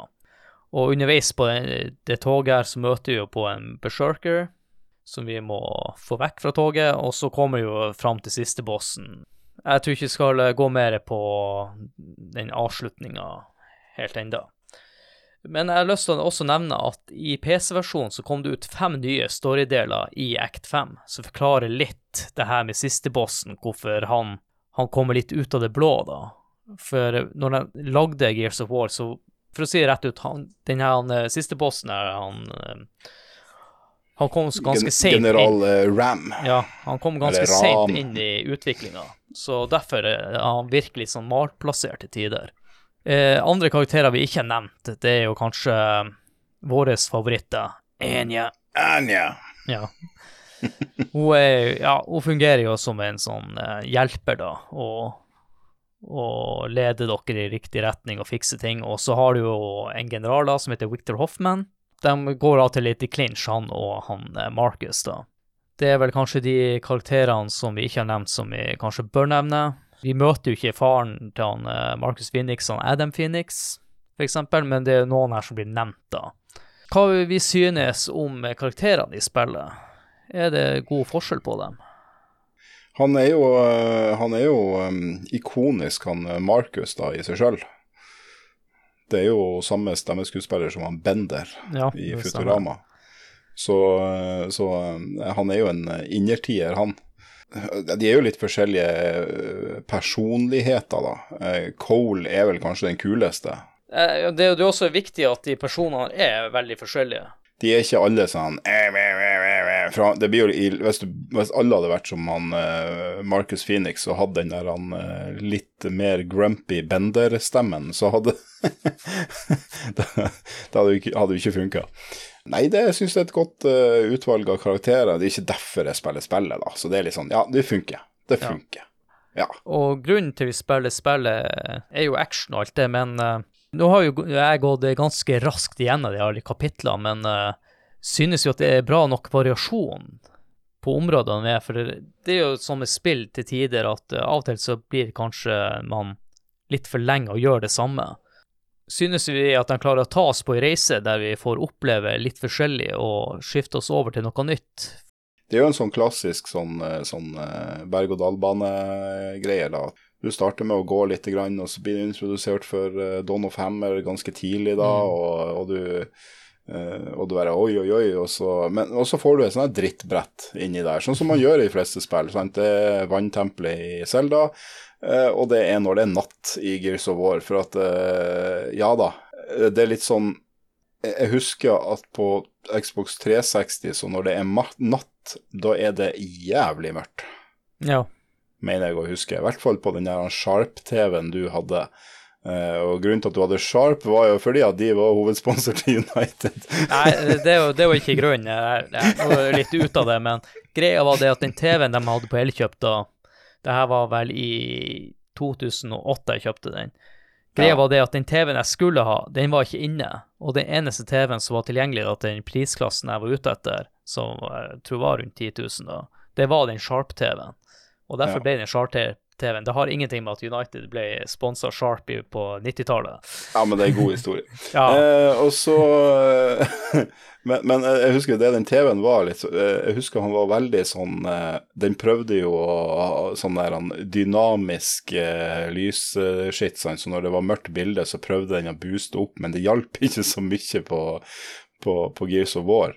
For det ble liksom ikke du så ikke bedre. Det var liksom, det føltes bare som at det er bakbelysninga på TV-en bare skrudde seg opp og ned uten at det Ja. hjalp noe særlig. Og så var det veldig blått, det lyset, husker jeg, på den TV-en. Men, eh, men eh, det, det var eneste sånn Nattbrettene, det sugde. Den bilkjøringa, det var ikke artig. Eh, og vi klarte jo å dø mange ganger nå når vi spilte det sist òg. Det var vel egentlig der vi døde. Det var den bilkjøringa. For å si det sånn, første gang man spilte, da holdt man å gi opp på en bilkjøring, for jeg tror de har gjort den bilkjøringa litt enklere på den nye Ja. versjonen. Men på den andre sida, du, du tenker at det her er litt hat, men for meg så føler jeg at det- de her sekvensene er litt viktige for spillet. For de, de gir det litt annen type gameplay. For litt lenger ut i spillet, jeg tror det er en plass mellom act 4 og act 5 der, når du kommer opp til byen igjen, så føler du allerede litt ferdig i de type områdene. Jo da, jo da. Så jeg husker i hvert fall nå når vi spilte, at vi, vi var litt lei på slutten i, i enkelte sekvenser der. Ja, vi, vi skippa og vi, vi speedrunna det litt sånn på slutten. Men uh, første gang man spiller spillet, det er en god miks av uh, slåss, kriging i dagslys, og så er det litt natt, og du kjører litt, og du du har den der ja, ikke snikesekvensen, men der når du skal gå når du har de her jækla flygende Hva det var de heter igjen? Kryll. Ja. Ja, eh, når du har de, da. Jeg husker det var litt frustrerende, akkurat det òg, for at det var noen ganger vi bare sånn ikke forsto hva vi skulle gjøre, og så skal du, du skal tenne på som sprenge sånn her gasskanje. Ja. Eh, sånn at de begynner å brenne, og, og, og, da stikker jo de av. Så skal du liksom følge det. Så jeg husker vi sleit jo litt med det i uh, Bitte litt denne gangen òg, for at det er ikke alltid du ser at å ja, der er en sånn jævla gasskanne å, å skyte, da. Men uh, ja. Eh, men så når du kommer nedi der som under jorda, da, så får du litt sånne litt mer sånn klausområder, og så ja. får du store, litt mer sånn Det er jo en kjempestor hule langt opp til taket. Det er jo veldig sånn eh, Når du spiller Det er jo det som er når du da spiller singleplayer, så du får dette på fullscreen. Da, da kan du verdsette litt mer områdene og det. Da ser det litt mer, eh, mer, mer Eh, litt mer imponerende ut. Når du spiller toplayer og du får liksom split screen og du har så Det blir jo Hvordan var det der? Vi fikk jo den, Skjermen blir delt på midten, horisontalt, ja. men vi får svarte områder på høyre og venstre side i tillegg for at du skal få to 16.9-bilder. Ja, det, husker det du husker. det? Nei, det, jeg klarer ikke å huske det. Har du fortrengt det? Ja, det kan eh, så det er litt rart, akkurat den split screen som gjør det. Den, den deler ikke bare hele TV-en i to du får to 16.9-bilder, da. Mm. Som er på øvre og nedre halvdel av, av TV-en, og da er det veldig mye svart på siden, så det, bildet blir jo litt lite, eh, selv på en 65-toms TV. Eh, og jeg husker ikke helt hvordan det der var på Xbox 360, om det var samme i så fall. men vi satt jo helt inntil TV-en da og spilte, men uh, det var noe sånn det var. Ja, det var sånn det var back in the days. Eh, den Sharp-TV-en var en 37-tommer. Jeg syns han var gigantisk på den. Eh, den ja, tida. det var en kjempestor TV på den tida. det som er også viktig for å ha god variasjon på gameplay, er jo fiendene. Vi må vel innom fiendene. Og jeg nevnte jo her i stad med Worms, men det kom jo på det de egentlig skulle hete aller først, var Geists. Men siden det var et GameCube-spill som heter Geist, som var ute, så ble det her litt feil å bruke det mm. til å kalle fiender for en spilltittel til en av deres eh, største konkurrenter. da. Vi ja. har jo nevnt den her Berserkeren. Eh, det er en sånn stor skapning som er blind og reagerer på hørsel. Og så tror jeg den har litt sånn armor-scale på seg, som gjør at den Ja, det er jo litt den nesten skrekksekvensen i spillet. Første gangen vi møter den her, vi, vi fikk jo panikk. Jeg var, jeg var i hvert fall livredd når jeg ja, og så er det jo det at hvis du blir truffet av det, for den, den hører deg, og når du begynner å springe, så, så begynner den å Så den spurter jo etter deg. Mm. Uh, og denne blir du ikke knocka ut av. Altså, det er kanskje ikke nevnt at noe, hvis en Istedenfor at du dør i dette spillet, så blir du bare knocka. Ja. Sånn som i Fortnite, i PubG osv. i dag.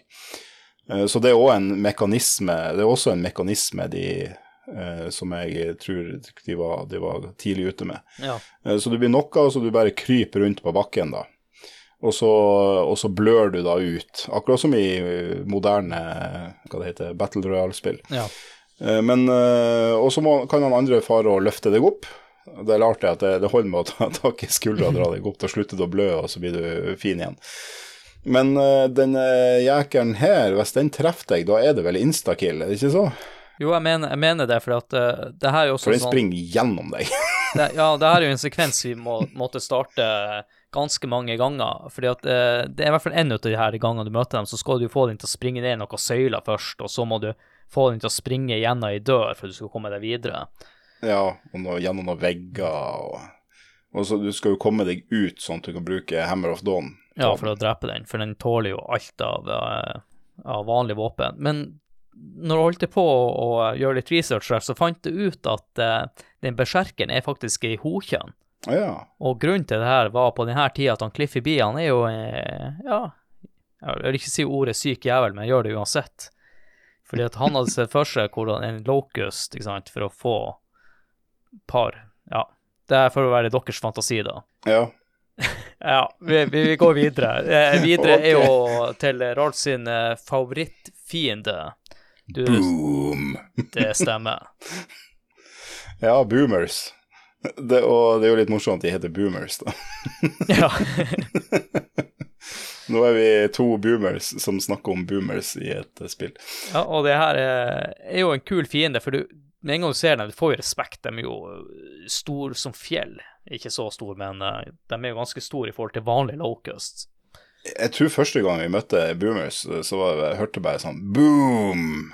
Du var jo klar over dem, for du hadde jo Mm. spilt. Og så du må passe med Og jeg, jeg bare Mot hva da? Hva da? For jeg drev jo bare skaut på Ja. alle de vanlige. Og så hører jeg bare boom. Og så plutselig bare sprekk. så bare Hva faen som skjedde nå? jeg hadde jo full håpe. Ja, det, det, det, hvis de først treffer med granatkasteren, så, så sliter man. eh, Ja, da, du, da går du ut med en gang. Da er det ned, rett ned fortelling. Ja, det, som sagt, jeg syns det er en veldig kul fiende, men den fienden her er faktisk inspirert ifra en eh, 80-tallsanime som heter Bubblegum Crisis. Hvor det er en fiende der som ligner litt på det er boomers. Eller de har i hvert fall en sånn kan stor kanon som de skyter ifra. Og opprinnelig så skulle jo boomeren være enda større, bare i eh, holdt på å si, i, ikke i bredda, men i, i dybden. For han skulle ha en gigantisk mage og bli kalt for Pot Belly i utgangspunktet. Og de heter faktisk boomers. Ja. Dæven. Ja, ja, det var en fun fact. Ja, er ikke det morsomt å Bubblegum Crisis Jeg har jo ikke hørt om Bubblegum Ikke. Crisis, men uh, jeg måtte jo google det nå som du sa det, og jaggu Så jeg bare googla Bubblegum Crisis, og så kom det automatisk Boomer. Neste fiende ut eh, heter Drone, som egentlig er de vanlige Locust-fiendene. Ja, det er jo droner. Det er, jo- det er jo som uh, Igjen, da. Det er jo Maur, er ikke det? Ja, det er jo som maur. Og det er jo locust, det er jo uh, det det som er gresshoppe på norsk? Engelsk locust. I'm, I'm a boy? I'm not so good in English. Jeg har, ikke tenkt å, jeg har ikke tenkt å Wikipedia akkurat det, men det er i hvert fall noe sånt. Eh, og, og det, så det er jo, de er jo de, de sammenlignes jo med insekter, de her. De, er, Mm. de funker jo som insekter, for de har jo en, sånn Jeg vet ikke om de har hive mind, at de alle tenker det samme, da. Eh, Men i hvert fall, de, de sammenlignes jo med insekter her, og, og, og dronene, de vanlige, de, de kalles droner, og, og der her er jo ei dronning òg, Mm. får vi vite helt på slutten. Ja. Uh, for jeg vet ikke, husker ikke, er det noen som snakker om noe dronning? Jeg tror ikke dronninga er kjent helt, før helt på slutten. Nei, det, det er kun helt på slutten at uh, hun, hun Det er liksom han der general Ram som du, som du bare tenker han er liksom the big, big bad guy, og så bare Å ja, der er ei dronning, selvfølgelig. Det er jo naturlig. Hvis du skal sammenligne det med insekter, eller maur. Men eh, drones, de har som regel de her De har også Lancer, men også de her vanlige våpnene, som sniperrifler, hagler osv. Så, de Ja. dropper jo de her type våpen. Ja, de første har jo den der hammer Hva heter det? Ja, Hammer Hammer Burst. Hammer burst, ja. Ja. Ja. Og så har du jo uh, Teron Guard, som er locus, bare at de tåler litt mer enn de vanlige drones. Har litt sånn rustning Mm. på seg. Så har du Throne Sentinel, som er dronningas elitegarde, som eh, ser ut som Throne Guards, men jeg tror de har en sånn hjelm på seg, og litt sånn, og de har også sånn torquebow. Ja. Ikke alle, alle har ikke det, men de fleste har det ute der. der. Og så snakker de, gjør de ikke det? Jo, Altså, de har, de har litt, alle, alle lager noe sånn eh, og, og noen eh, lyder og snakker lite grann. Men de her, jeg mener de har sånn her han herselig sånn her er det ikke det? Jo, det stemmer, når du sier Ja. det. Det er ikke alltid man får med seg alle de detaljene. Man bør, det er egentlig et spill du bør spille et par ganger Ja. for, for å få med seg alle de smådetaljene. For at når det, er, det er jo for det meste ganske kaotisk og bare skytelyder. Og når man eh, spiller toplayer, så er jo det helt fullstendig kaos. Ja. Eh, I hvert fall når du spiller på samme TV-en. Og så har vi jo de andre fiendene, eh, Brumax som jeg nevnte i stad. Det er jo sånn eh, stor reptilgigant med kanoner montert på seg. Så mener jeg også det her er en slags bosskamp, for du møter jo en på en åpen slette, hvor du må skyte han i beina. og... Ja, og det er jo ute i, mot slutten av spillet, ikke? Act eh, fire eller noe sånt. Ja, jeg mener det. Og du møter jo de her eh, Det er jo også en brewmacken som knuste det huset, men du, du dreper ikke den, da. Første gangen du bruker eh, Hammer of Dawn, er jo mot en sånn Hva de heter Nei, det var Berserker, som vi nevnte i stad. Eller du tenker på de der, eh, de der han, sider Det er ja, sider. Ja, det er eplerisaken som spytter. Ja, men jeg, jeg, tenkte på den der, han, den der med de beina. Korpser. Ja, ja, det er gigantisk edderkoppe. For, for korpser er jo det som er i den Mad World-traileren. Det, jeg må ærlig innrømme, jeg husker ikke den traileren, så jeg kan ikke verken si ja eller nei på det. Ja, Marcus Phoenix springer i gata, ja. og så er det den her rolige musikken i bakgrunnen, og han kikker seg rundt, og så går han, eh, går liksom, han springer liksom bort igjennom, og du skjønner ikke hva er dette for noe. Eh, og så går han inn i et uh, bygg som er mørkt, og så går han innover, og så lyser han vel med lommelykt eller et eller annet sånt, og så ser du liksom bare det her gigantiske vesenet som er uh, bare, Som bare står der. Mm. Og så hvor liten han er, og så, og så Det er jo ingen lyd, ingen lydeffekter, det er kun musikken. Og så zoomer det bare ut mens han begynner å skyte på den her greia. Ja, det hørtes kjent ut, faktisk. Det er, det, er, det er, en så episk eh, trailer at, uh, at det er Ja. Se den. Hvis dere ikke har sett den, Gears of War, Mad World-trailer. Og korpsen fungerer jo også som en slags boss der nede når det er under jorda. Ja, i akt eh, tre. Og så har du jo ja. noen fiender som heter Hydra, som er de svevende uh, sakene som spytter sånn kule, sånn svarte kuler, hva heter det for noe? Mm. Ja, det er på toget, vel. Ja, også andre plasser. Du står med noen troika eller machine guns. Uh, ja, for det er en sekvens der den kommer flygende. Men vi mm. har jo ikke nevnt det kanskje det vi har brukt mest tid på og irritert oss over, det er jo det wretches. Ja. De små uh, Golum-lignende uh, fiender. Da er hagla et uh, fint våpen, fordi at hagla den gjør mer skade når du bruker For du kan jo ikke bare med å skyte med våpnene, men du kan jo slå, sånn, slå med dem. Mm. Uh, og hagla gjør uh, mest skade av alle våpnene, mener jeg, når du holder den og slår med den. Ja, for det motorsaga oppdager vi på denne gjennomspillinga er egentlig ganske ueffektiv med tanke på at du bruker lengre tid, og du har masse eh, wretches eh, som springer rundt deg med en gang. Ja, og hvis du prøver For du må starte motorsaga, og så må du Og så holder han den jo opp over hodet sitt for å gjøre seg klar til å sage en fiende i to, som er jo jævla kult, det hadde man jo ikke sett før. Eh, og så um, uh, blir du truffet av noe mens du går med motorsaga, så, så blir du stønna, og så du blir liksom slått litt ut. Det, så det er jo helt håpløst når det er masse fiender rundt deg. Ja. Da, da, da, bruker du ikke motorsaga. Nei, så vi endte jo opp med, som du sier, å, å bruke hagla mer aktivt, og det funker. Ja, og så slår du den. Ja. ja bruker, han, bruker han som et slagvåpen istedenfor å skyte med. Han er ikke så jækla effektiv med å skyte med, men, eh, men som et slagvåpen, i hvert fall de små jævlene, eh, de one-shotter du jo med å slå med hagla den siste fine jeg tror er i spillet er River. Det er han eh, saken de locustene flyr på. Og det er noen sekvenser der vi er nødt til å skyte. De kommer flygende etter det.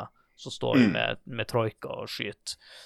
Uh, vi har jo nevnt at noen tar opererer som uh, bosser, men det har lyst til å fortelle om han general Ram. Det som er litt morsomt, er at han er oppkalt etter en, uh, en, eier av indisk, uh, en indisk restaurant, da, hvor de brukte å spise mat på. Ja, Vi har nok uh, vært igjennom det meste nå når det kommer til gameplay og alt, og uh, så jeg tenker vi kan jo Vi må jo snakke litt om musikken og, og jeg, jeg, kan jo bare en sånn fun fact da på han general Ram, da. Ja.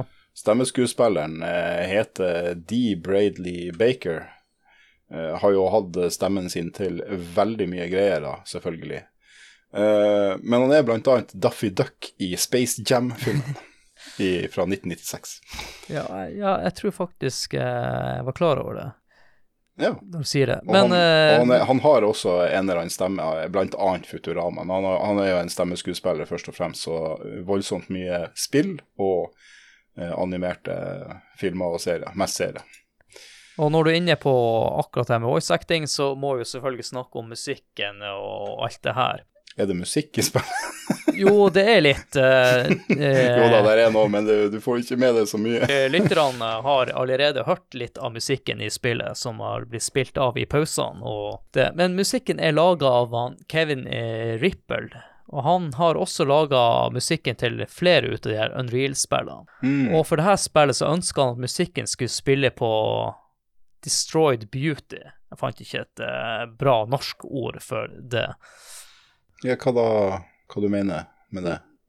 Nei, at uh, musikken skulle gjenspeile ikke sant, byen uh, og alt er jo Det er jo ja, en fin sånn, by, ja, så ja. Destroyed Beauty, og prøve å gjenskape det i eh, musikken, da. Og de gikk jo litt mer for sånn uh, Hva skal jeg si, sånn orkester, da, som mange har gjort i ettertid. Jeg tror ikke det var Mm. så normalt med orkestermusikk før den tid. Jeg husker litt av musikken. Jeg synes den passer bra til uh, det spillet her, og Ralf, som sagt, husker jo ingenting av musikken. Nei, jeg gjør ikke det. Var vel kanskje mer opptatt av å prate mens vi skjøt der. Ja, prating, og så, og så er det bare et uendelig kaos av, uh, av skytelyder. Og han, eh, Ralf nevnte i stad at han, eh, Marcus Phoenix var jo spilt av han John DiMaggio, som du nevnte også hadde eh, stemmen til han Bender i Futurama. Men jeg har lyst til å nevne to andre. Det ene er jo han Dominic Santiago. Han skulle egentlig ha en tjukk meksikansk dialekt, men han Cliffy Bida da, han likte ikke det her, for han eneste han tenkte på var de her Speedy Gonzales-stemmene fra Ja. eksempel spill som Splinter Cell og sånn, så alle de her eh, hva er latinoamerikanerne eh, hørtes Ja, ut som. Speedy Gonzales da. Så det var han eh, Ja, han hadde veldig fokus på å få det bort, da. Og I tillegg så han, eh, han Carmine, som døde helt i starten Han som har stemmen til han, er samme karen som hadde stemmen til han Rafael i, i Turtles-tegnefilmene, i amerikanske versjonen Ah. på 80-tallet. Som en liten oppsummering på det vi har snakket om i, i denne episoden, eh, vil vi Hva vil vi si trekke opp spillet? Nei, det er jo coop-delen. Gameplayet, uh, skytinga. Det, altså, det er, et, eh, det er et spill som må nytes eh, i godt selskap med en annen person. Og gjerne kanskje med noe godt i glasset når man først spiller. Om Det det, om det er alkoholfri eller ikke, det bestemmer dere. Ja, nei, det, det er ikke feil i det hele tatt. Vi gjorde det jo uh, for ikke så lenge siden, og det var, det var um, Nei, det, det kan anbefales. Hvis dere starter litt tidlig, så klarer dere faktisk å gjennom spillet på én sitting, da. Eh, Det eneste jeg husker vi slet med, var jo selvfølgelig å koble opp det her toplayer, den kontroll nummer to, da, som var et herk uten like. Ja, der er jo Der er jo litt sånn eh, moderne konsoll. Men vi, vi, vi, det var jo vi som gjorde feil, da. Ja, det kan godt hende, men vi, trykte jo feil Vi trykte på feil knapp. Men det er litt sånn der, han, det, det, er ikke, det er ikke innlysende i de der sånne der lobbyspill som Gears of War.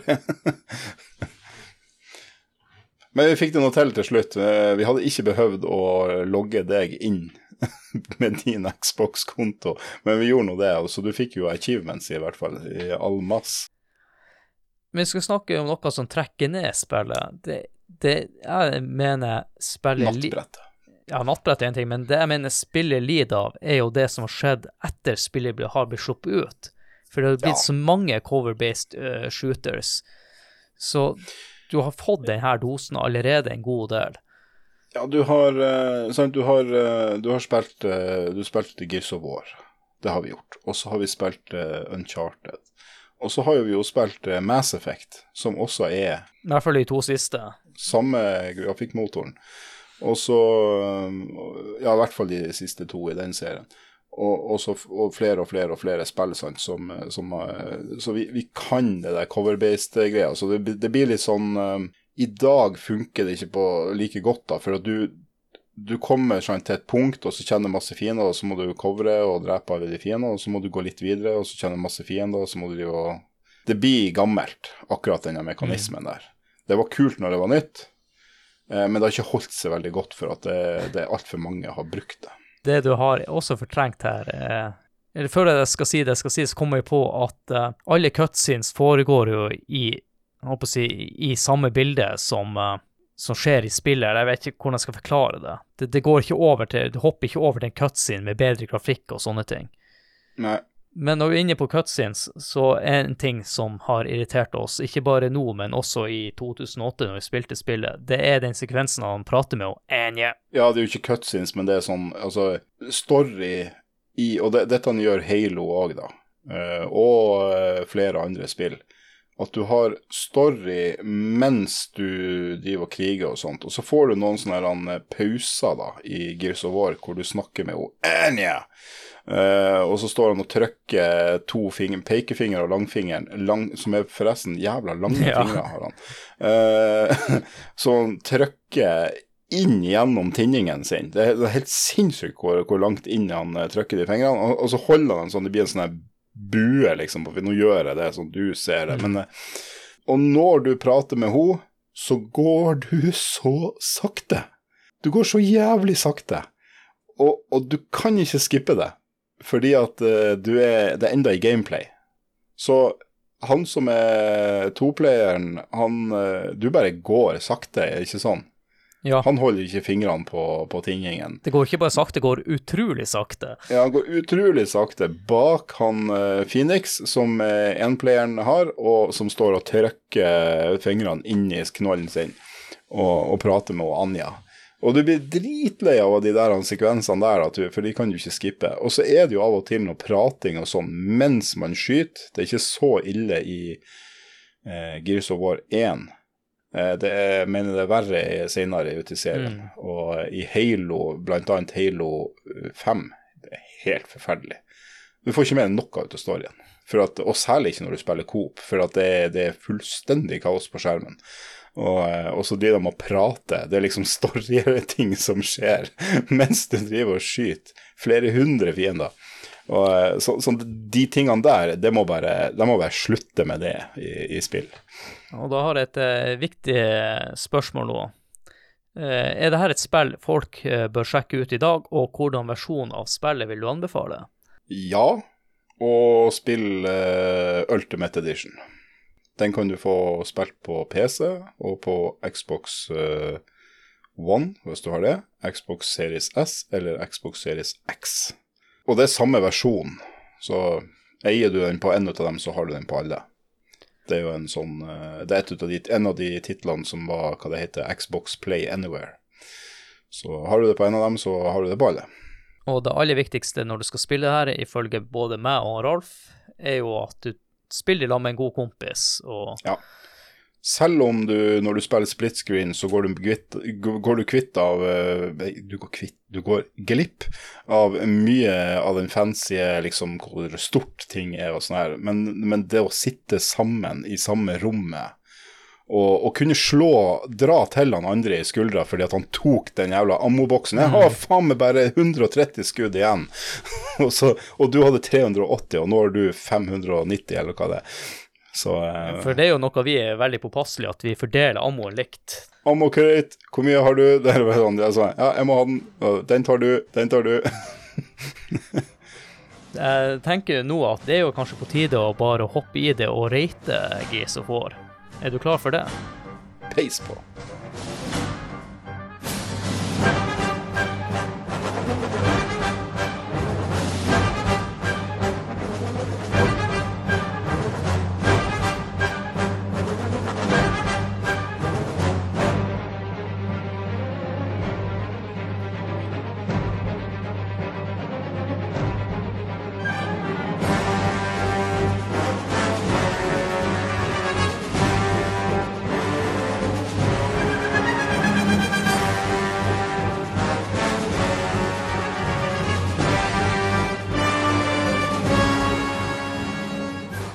Akkurat nevnt, så skal vi jo rate Gears of War. Og som vanlig så setter vi karakterene etter Nintendo-magasinet sine kriterier, og bedømmer spillet etter de her fem punktene.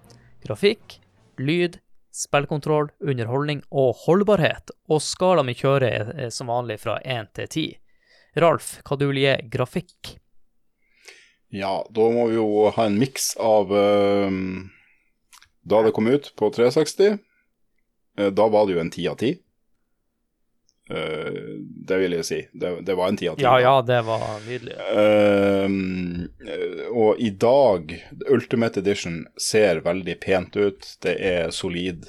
Uh, ikke minst det at det går jo i 60 bilder i sekundet, som gjør at det er jo enda smoothere å spille.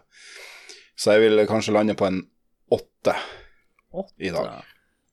Det er veldig solid. Det er jo ikke det, er ikke det råeste lenger, men det, er, det, det, holdt, det, har holdt seg bra. Ultimate Edition, da. 360-versjonen derimot plages jo av den generasjonen eh, med at eh, alle spill hadde det der brune next gen-filteret ja. som vi har snakket om flere ganger. Eh, ting er mørk brun, og det er litt sånn for å skjule eh, at grafikken ble litt for eh, det, det, var litt for vanskelig å lage såpass god grafikk på den tida. Ja, og så mener jeg at det var noen eh, frame drops, enkelte sekvenser i Xbox 360-versjonen. Det var det nok sikkert, det vil jeg tro. For min del, du har gitt det åtte. Jeg har litt lyst til å være litt snill med det her spillet og gi det ni. Jeg synes uh, den nye versjonen så ut som jeg husker det var i 2008 ja. da jeg spilte det. Og da synes jeg det så bra ut, men det får litt trekk. Men jeg gir det en nier der. Uh, lyd. Her er jo Speit, du som ikke fått med at det er musikk i spillet. Mus musikken husker jeg ingenting av. Ikke at det, jeg spiller det her er ikke spill du spiller for musikken sin del. Ja, men når det er snakk om lyd, så handler det ikke bare om musikken. Det handler om fine lyder, det handler om uh, lyder når du springer, og det rasler i rustninga av våpnene og for, for, for, jeg må trekke litt, for jeg husker at uh, lyden var litt sånn uh, det er ikke alltid helt tydelig hvor du hører hvor lydene kommer ifra. Så det, det, det, det har skjedd litt på lydprosessering eller design eller et eller annet sånt en gang eh, imellom da det kom ut og den oppussa versjonen kom ut. Så det var Jeg tror jeg holder meg på en åtter der òg. Det, det, er kule lyder på våpnene. Eh, motorsag og Altså, alt det funker jo bra. Eh, når du får den der han eh, den der eh, berserkeren etter deg, så, så, er det jo Du hører tramping av det. Men ja, det, det er solid. Jeg, jeg sier åtte. Jeg syns det, det, er bra. Åtte er bra. Liksom. Ja, ja, det er kjempebra, men uh... Jeg burde kanskje vært litt strengere og si sju, men det, jeg skal la nostalgien overvinne, og så sier jeg åtte. Ja, det blir skuffende sak, sier fordi at jeg har Jeg tenkte å skrive åtte, men så sa du motorsaga, og motorsaglyd i seg sjøl er jo et helt poeng, så jeg gir det ni. Ja, for det er jo det når du, når du bruker motorsaga, da brøler han jo samtidig. Når du sager deg gjennom fienden, og, og kamera blir Det er jo en grafikken, og kameraet blir fylt av blod. og det var jo heller ikke det nevnt, at uh, akkurat de her effektene har de hentet inspirasjon ifra det han uh, Dawn of the Dead og Night of the Living ja. Dead og de zombiespletterne der. Det er jo der de har henta inspirasjon med tanke på det for å gå tilbake til ratinga her, spillkontroll. Ja, den er solid, den òg. Uh, eh, er det noe Ja, altså, jeg syns uh, kanskje aiminga er litt treg. Uh, det går an til å speede den opp, den blir litt grann sånn de, de, er enda litt sånn tidlig, akkurat det ene, da. Det, mm. det, I toa mener jeg var en ganske god forbedring. I, i, i spillkontrollen. Ja, var litt det var liksom smoothere. Enda, enda litt, ja, det var litt smoothere og enda litt tightere. Så, så, Men jeg tror jeg sier det, Blir det åtte her òg? Jeg tror det blir åtte her. Jeg regner med jeg ender på åtte på alle. Jeg gjør også åtte. Underholdning, her er det jo Jeg er ti av ti. Ti av ti multiplayer. Men eh, med, med, med stjernemerke eh, når du spiller sammen med noen. Eh, spiller du alene, så er det kanskje seks av ti, sju av ti. Mm. Ti av ti, spill sammen med noen. Helst i samme rom. Eh, men det er klart, hvis du skal, nyte, skal du nyte grafikken og se på hvor stort alt er, så spiller man jo Vi kan jo spille dette eh, eh online med hverandre òg, men du må jo selvfølgelig ha snakke med hverandre. Ja, jeg vil jo gi det her ti av ti, for jeg har jo kun spilt eh, det her som toplayer, da. Mm. Og uh, det sier jo sitt nå at ja, du har sittet og spilt det her i 2008, og så spilte du kanskje det her en gang rundt uh, hva var det, 2017, noe sånt. Uh, og så spil, ja, spilte vi nå når vi var på Eller når, etter når vi hadde liveshowet vårt.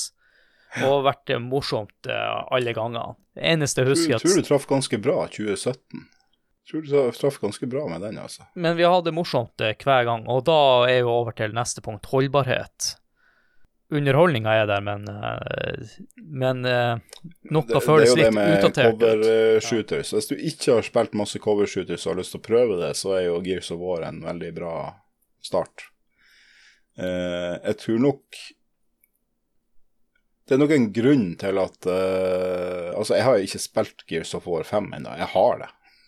Jeg, har, jeg har bare spilt eh, introen, og så det, det Jeg tror ikke det kommer et Gears of War 6, for å si det sånn. I hvert fall ikke på samme måte. Da må de gjøre noe helt annerledes. Ja, det tror jeg også. Så, så um, holdbarheten Igjen, da. Vi hadde det kjempekos og spilte sammen. Eh, jeg hadde aldri giddet å spille det alene.